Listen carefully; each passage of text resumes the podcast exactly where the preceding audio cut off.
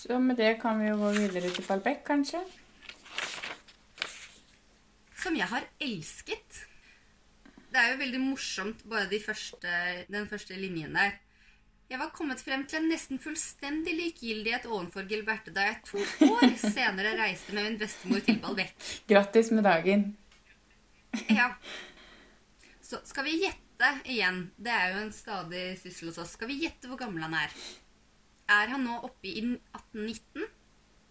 Er han yngre? Er han eldre? For det er det som er så gøy. Han er så infantil. Jeg skal si, han virker, han virker ikke 1819.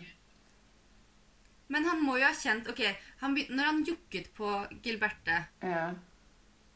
så har det gått relativt mange år siden den gang. Altså, De har bygget en relasjon. Vi snakker i hvert fall to vårer han har kjent Gilberte. To nyttårsaftener, i hvert fall. ja. Og så har det gått to år til. Han må jo være et sted mellom 17 og 20. Ja, det er helt umulig å si hvor gammel han er. Han driver jo og drikker, så han kan måtte ikke være tolv. Men han fikk jo også prescribed alkohol relativt tidlig. ja, men, ja, men dette her er litt mer sånn du tar deg en, en drink, du gutten min, så vi Helt ukvalifisert gjetting, men kanskje, ja. En fair estimation. Han er 18-19 år.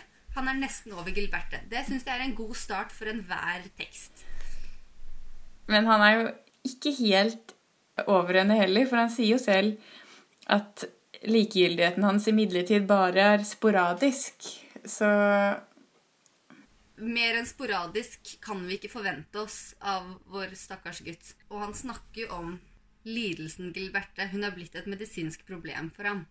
Men da han da endelig finner ut at han skal reise til Balbec, NDLI, så sier han jo også at min reise til Balbec var som den første spaserturen til en rekonvalesent som bare trengte å komme seg ut for å oppdage at han allerede var frisk. Så han har jo til en viss grad friskmeldt seg selv. Så da begynner han jo Nå har han jo bare Han har jo så å si bare beveget seg i tid. Hele den tid vi har kjent han. Han har reist mellom Gombré og Paris. Og det, og det er det. Nå skal han faktisk ut og reise, og da må han jo, som en fyr som skriver så lange bøker, gjør, gjøre seg noen betraktninger om hva det å reise faktisk innebærer. Hva, hva er en reise? ja, for ham så handler det jo mye om det som skjer mellom det ene og det andre stedet. Det være seg mellom det jeg som tenker på dit det skal, og det faktiske stedet man forestiller seg, men også strekningen mellom der du reiser fra og dit du skal, hvordan du foretar reisen, med hvilket fremkomstmiddel, men også forflytningen fra et navn til et annet. Det, det du blir kjent med. Og på en måte grensen mellom A og B, da, på en måte. Vi vet jo allerede om hans romantisering av jernbanestasjoner og tabeller takket være hans fremstilling av Swan, som desto mer man leser her, innser at det er Marcels fortelling om Swan, og ikke Swans fortelling om Swan. Mm. Når han snakker om jernbanehallen på Saint Lazare og alt dette her, så er han jo helt sånn herre swoony. Han er, han er nesten starstruck av en jernbanestasjon. Ja, men han mener også at jernbanestasjonen er et litt sånn dualistisk sted, da, fordi det på en måte ikke er noen ting eh, Altså, alle som er der, er på en måte tilreisende eller frareisende. Og det er på en måte ikke et, egentlig et sted som representerer byen noe særlig. Men det er også det første du ser når du kommer, det er det som bærer eh, stedets navn. Og alle jernbanestasjoner har en slags personlighet som står i tilknytning til byen eller landsbyens innhold. Hva kaller han det? Kvintessens. Så jeg tror på en måte sånn at jernbanestasjonen er litt sånn som, eh, som havnen, som mikrokosmos, da. Det er rart at han ikke poengterer det mer, da. Fordi altså, både i havnebyer så er jo hele byen bygd rundt altså selve den fysiske havnen, og i en storby så er gjerne jernbanestasjonen senterpunktet i byen. Så det blir liksom defective cornerstone, hvor liksom senteret i alt det du elsker, er et tomt rom som ikke betyr noe. Jernbanen på en måte skiller og forener de to forskjellige stedene da, fra hverandre, akkurat som en grense gjør. Både er den definitive linjen mellom stedet du ankommer, og stedet du var, men også er en slags sånn hovedpulsåre i byen. Da. Så altså, har veldig sånn ja, dobbel, dobbel eh, betydning. Mm. Men da gjerne også at det er det geografiske midtpunktet. Altså Det er liksom det endelige grensepunktet, men det er midt i. Mm. Men det syns jeg ikke han nødvendigvis snakker så mye om. Ma. Noe jeg syns er litt rart til han å være. Det virker liksom som en tematikk som han ville tatt opp. Men en annen indre ytre grense for han som foregår på denne jernbanestasjonen, er jo at han må adskilles fra mamma, fordi mamma blir ikke med. Og det er heldigvis hakket lettere enn adskillelsen etter middagsselskapet i, i Combré, men eh, det har ikke vært så veldig Det, det er rom for progresjon fra hans side, tenker jeg. Ja, han har jo For første gang følte jeg at det var mulig for mor å skulle leve uten meg, ikke bare for meg, og ha et annet liv. Hun skulle bo på sin kant sammen med min far, som hun kanskje mente hadde fått formørket og komplisert sin tilværelse av min nervøsitet og sviktende helse. Adskillheten gjorde meg for øvrig ekstra sorgtynget fordi jeg følte at den for mor sannsynligvis var resultatet av stadige skuffelser som jeg hadde voldt henne, skuffelser som hun hadde holdt skjult for meg, men som hadde fått henne til å innse hvor vanskelig det ville være for oss å reise på ferie sammen. Og kanskje var den også et første forsøk på en tilværelse som hun begynte å forberede seg på for fremtiden, for de år som skulle komme for min far og henne selv, en tilværelse hvor jeg ville se henne sjeldnere, hvor hun, noe som jeg ikke engang hadde i mine mareritt hadde forestilt meg, allerede ville være litt fremmed for meg. En dame som ville gå alene hjem til et hus hvor jeg ikke bodde, og på veien opp spørre portneren om det ikke var kommet noe brev fra meg. Men han kommer seg i hvert fall på dette toget. Det imponerte meg faktisk litt. Eller det overrasket meg litt. Det går sånn forholdsvis bra for hans del, men bestemor er sliten. Bestemor er dritsliten. Men ja. Men for å unngå kvelningsanfall på reisen, så får han konjakk og øl. Det er vel en sånn mer eller mindre vellykket uh, idé, fordi Marcel blir Jeg syns den er uhyre vellykket. Marcel blir det som jeg og du liker å kalle for happy dritty. Og jeg tenker sånn, her skjer mye av gjenkjennelsesfaktoren. Å ja. Jeg må jo forklare først at eh, bestemor er jo dødslei av dette barnebarnet sitt, og som prater og bare elsker å være på toget plutselig. Og hun foreslår liksom alt fra kanskje hun kan sove litt, lukke øynene, her har du en bok, prøver å avlede han med alt mulig. Mm. Eh, og så skriver han Så snakket jeg til henne igjen, men det lot ikke til å glede henne. Jeg selv derimot følte stor glede ved lyden av min egen stemme, som ved den aller, de aller minste, nesten umerkelige bevegelser i min egen kropp. Derfor prøvde jeg å trekke dem ut. Jeg dvelte lenge ved hvert ord jeg uttalte, og følte at hver gang jeg lot blikket falle på et nytt sted, var det et godt sted som jeg gjerne kunne betrakte i det uendelige.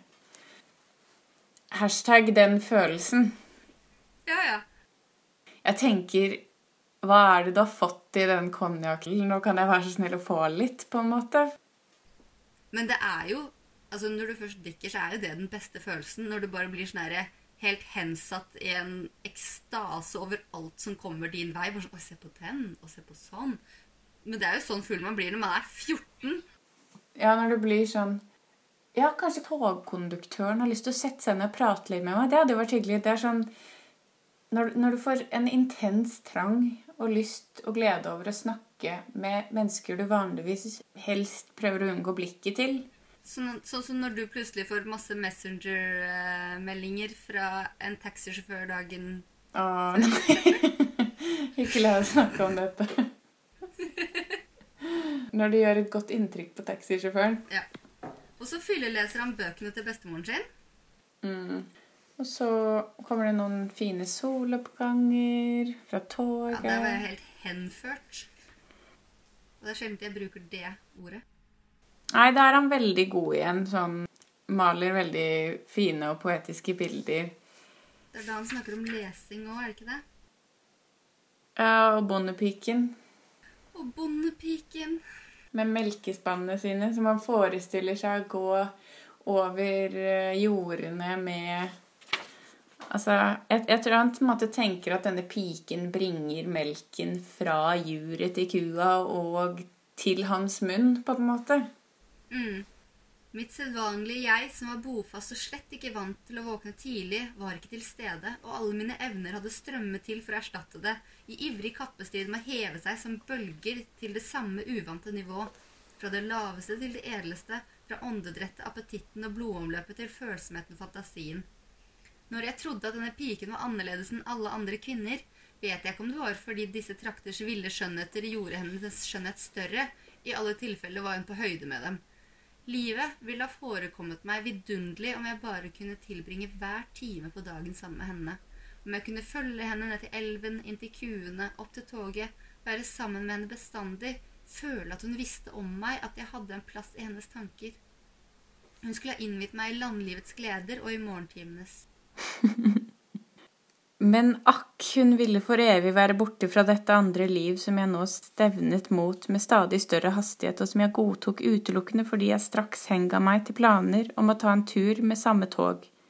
Og siden vi på den annen side gjerne vil fortsette å ha det i tankene, påbyr denne vår natur oss å prosessere inntrykket inn i fremtiden og listig forberede de omstendigheter som skal få det til å gjenfødes, hvilket ikke sier oss noe om inntrykkets vesen, men sparer oss for eh, bryet med å gjenskape det i oss selv, samtidig som vi opprettholdes i håpet om enda en gang å motta det utenfra.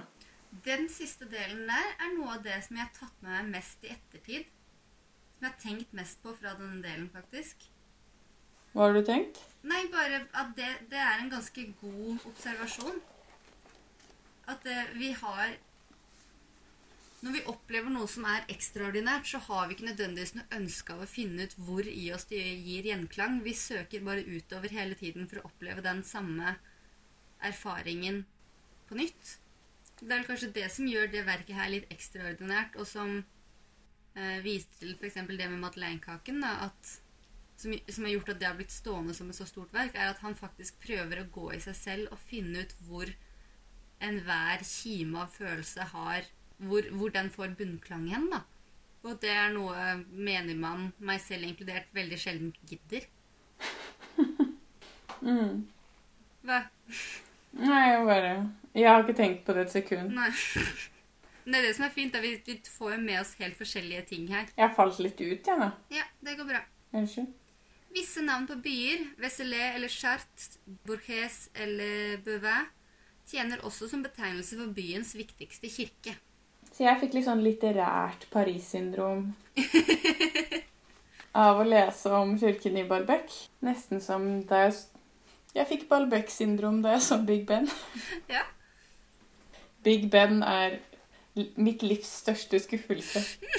Jeg tror kanskje jeg hadde litt høye forventninger. Det er sterkt å melde. Din livs Nå satte jeg rommen i halsen. Ditt livs største skuffelse er Big Ben. Ja. Jeg satt i taxien på vei fra flyplassen, og alle var sånn 'Hva gleder du deg mest til?' da? Så jeg sånn 'Nei, Big Ben, uten tvil'.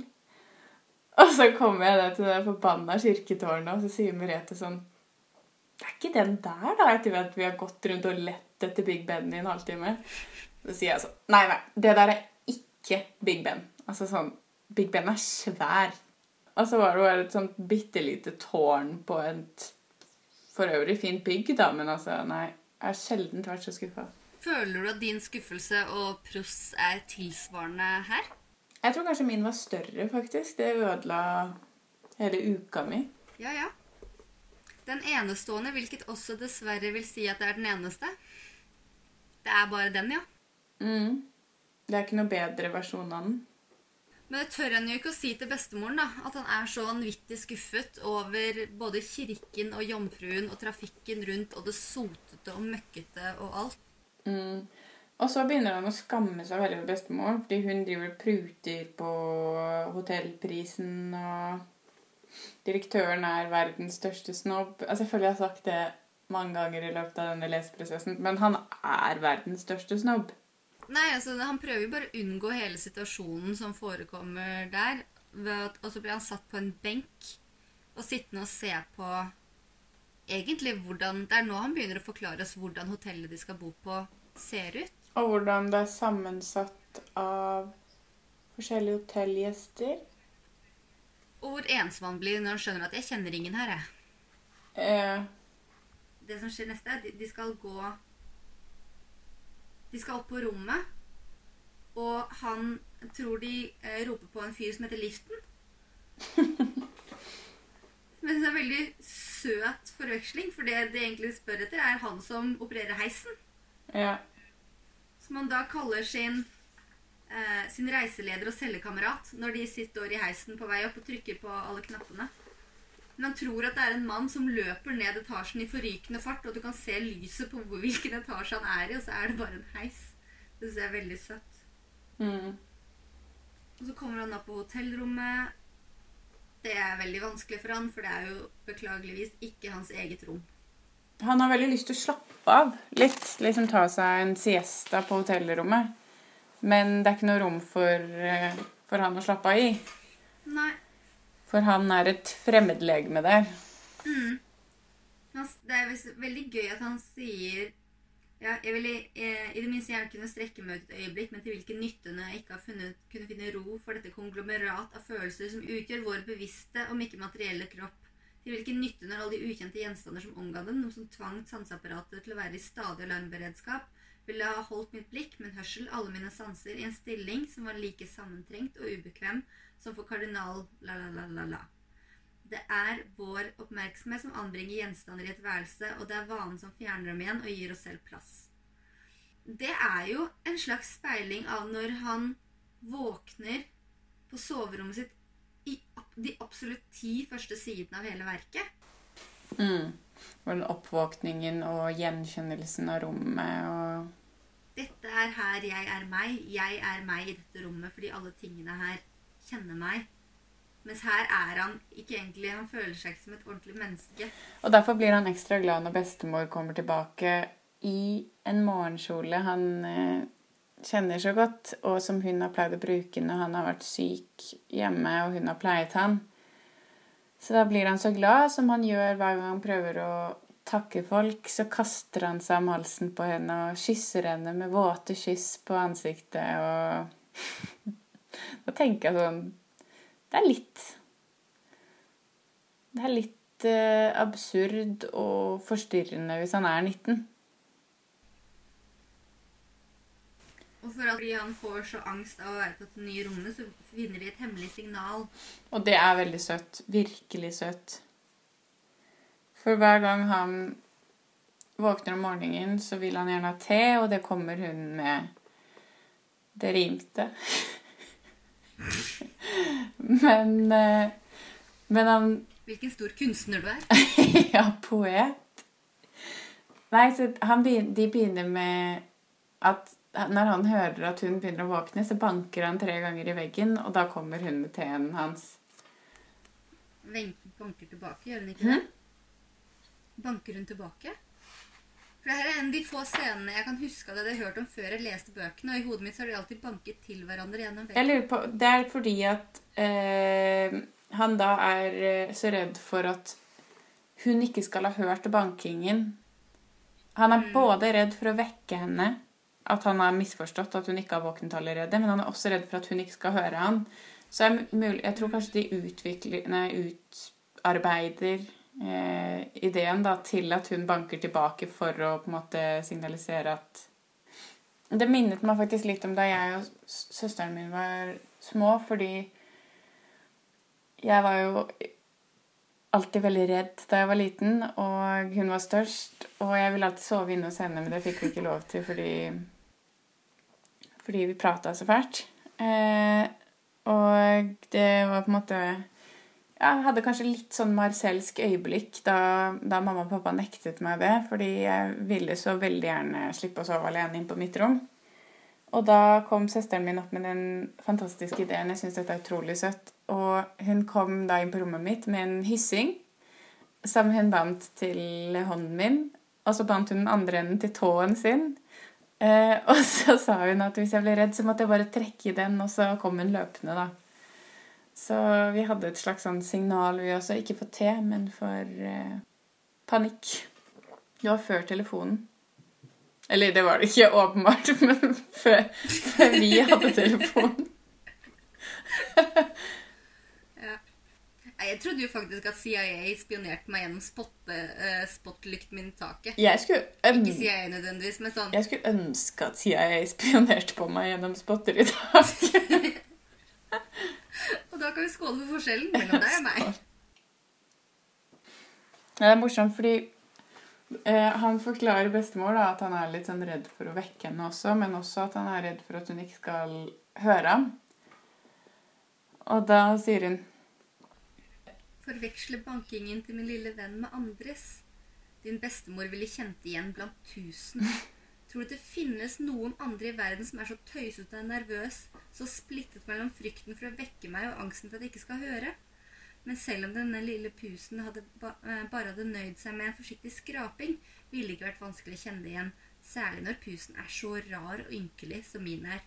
Jeg hørte den allerede der den lå og snudde og vendte på seg i sengen og lurte på om den ikke skulle bankes.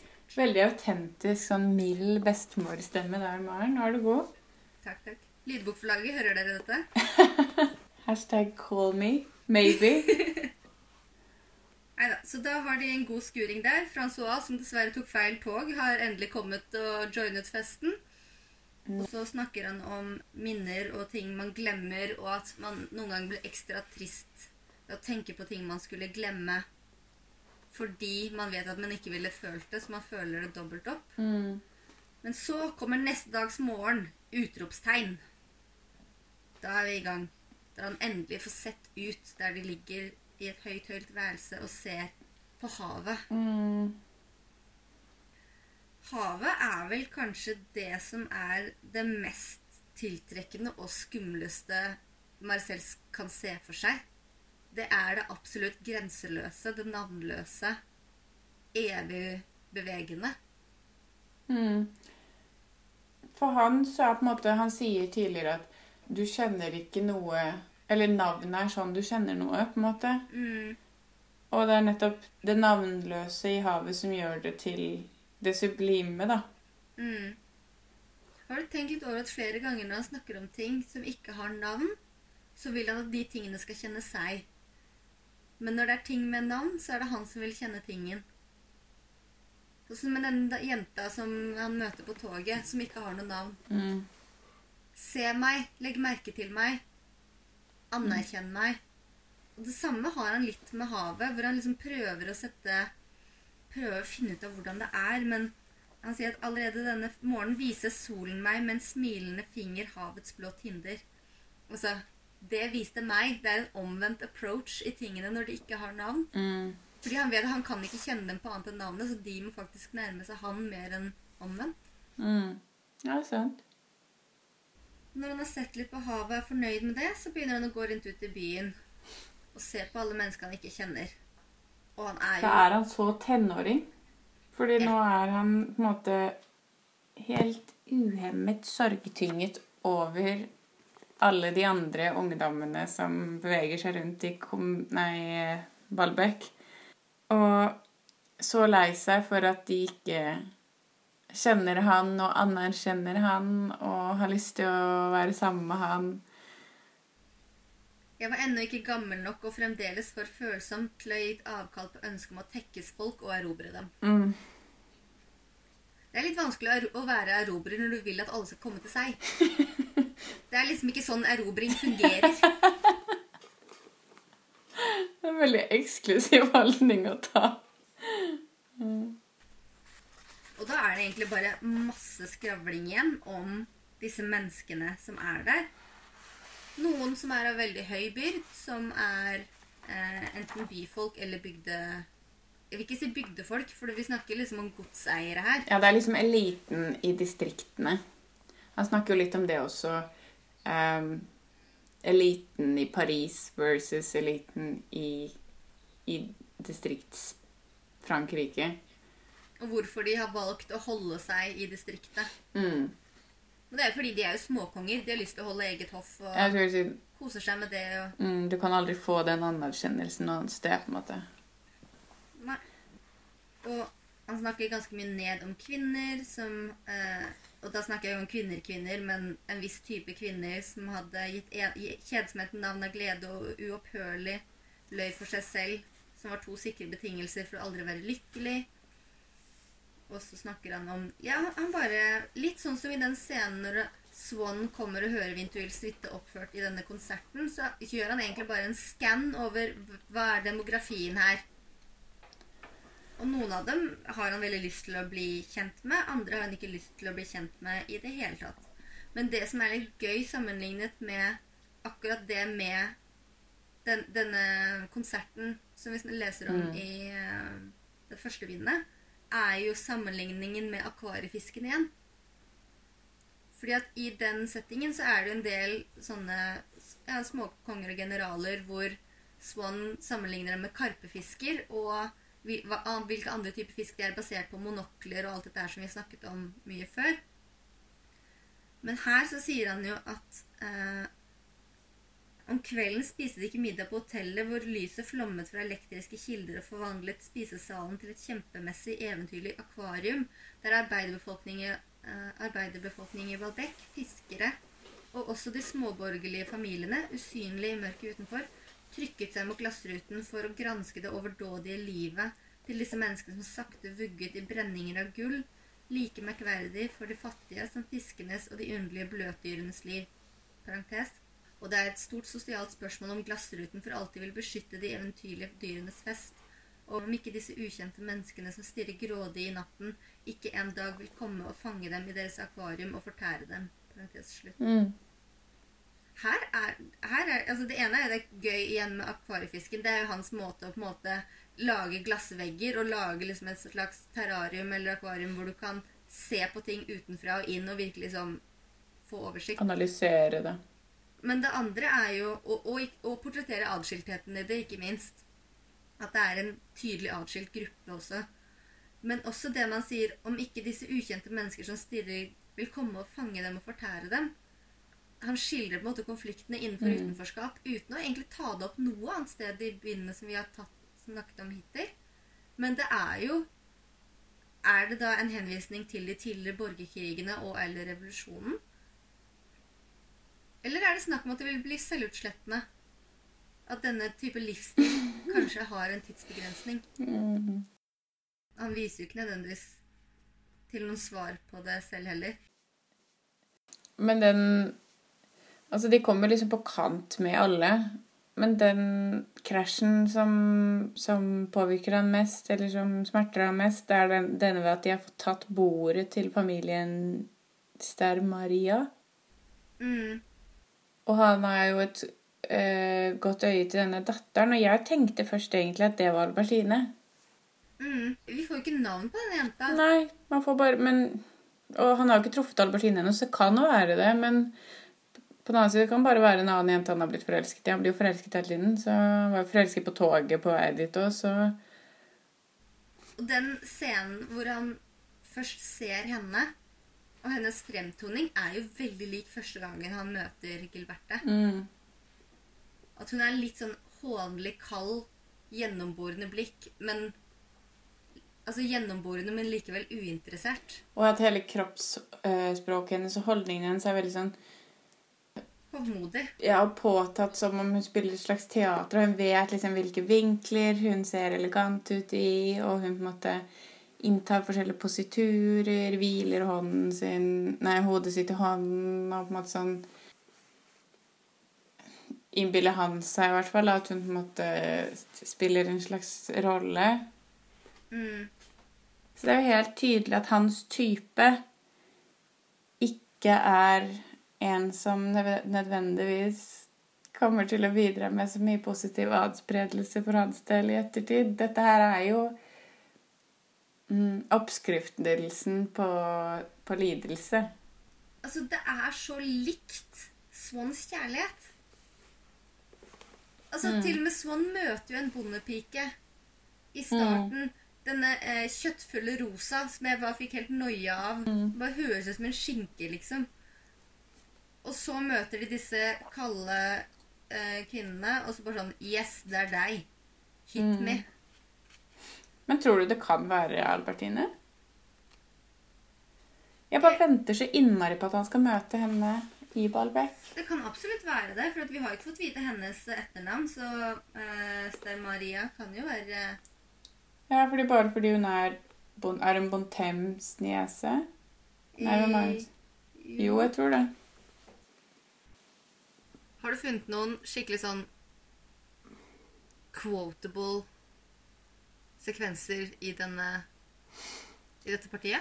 Uh, ja, altså Foruten om at jeg syns at den oppblomstringen av Madame Swan var ganske sitatvennlig, så må jeg jo si at jeg syntes uh, det sitatet jeg la på Instagram om uh, Mm. Det var ikke første gang jeg tenkte at de som nyter og de som elsker, ikke var de samme. var fin. Mm. Eh, det var én kort til som jeg syntes var morsom, som var noe sånn eh, først, når man er, først når man blir ulykkelig, blir man moralsk, eller et eller annet sånt noe. Eh, ja. Fint, fint med de beskrivelsene av havet, det sublime havet og bølgene og, og soloppgangen fra togkupeen. Men ja, så jeg syns egentlig det har vært mye sitatvennlig her. Enig. Det er sjelden han sier ting som er korte nok til at de er sitatvennlige. Ja, men her, akkurat i denne delen her, var det et par Mm. som jeg har, hva, hva tenker du? Nei, ganske mange av de samme. Man blir moralsk så snart man er ulykkelig, syns jeg er veldig fin. Mm.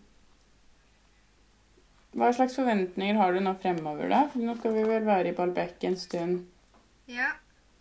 Jeg håper fordi Jeg vet ikke hvordan du ser for deg de forskjellige byene når vi leser, men sånn som Balbec har jeg ikke noe Paris ser man jo for seg som Paris fordi man har vært der eller sett veldig mye bilder derfra. Mens akkurat Balbec så ser jeg for meg en litt sånn fransk Coney Island-akt forlystelsesby, nesten, med alle disse attraksjonene som de drar frem, som bare tilfeldigvis er på havets bredd. Så jeg gleder meg til å lese mer og se den byen mer for meg, da. Jeg likte den veldig godt. Mm. Jeg håper jo kanskje litt at vi også får noen av de litt sånn kjente gamle karakterene til Balbec. Mm. Og foreløpig nå så er det jo bare bestemor Marcel og Ville, Ville Parisis. Og en haug med folk vi ikke kjenner. Og vi skal jo introduseres til mange tusen karakterer, så det kan Men det hadde vært kult å få et gjensyn med kanskje noen fra Swan-familien, eller Bergot, eller altså noen Hvis jeg skal sette på kn noen knapper på noen, så blir det enten Bergot eller han derre skikkelig ubrukelige og forkastelige kompisen. Eller kanskje Albertine.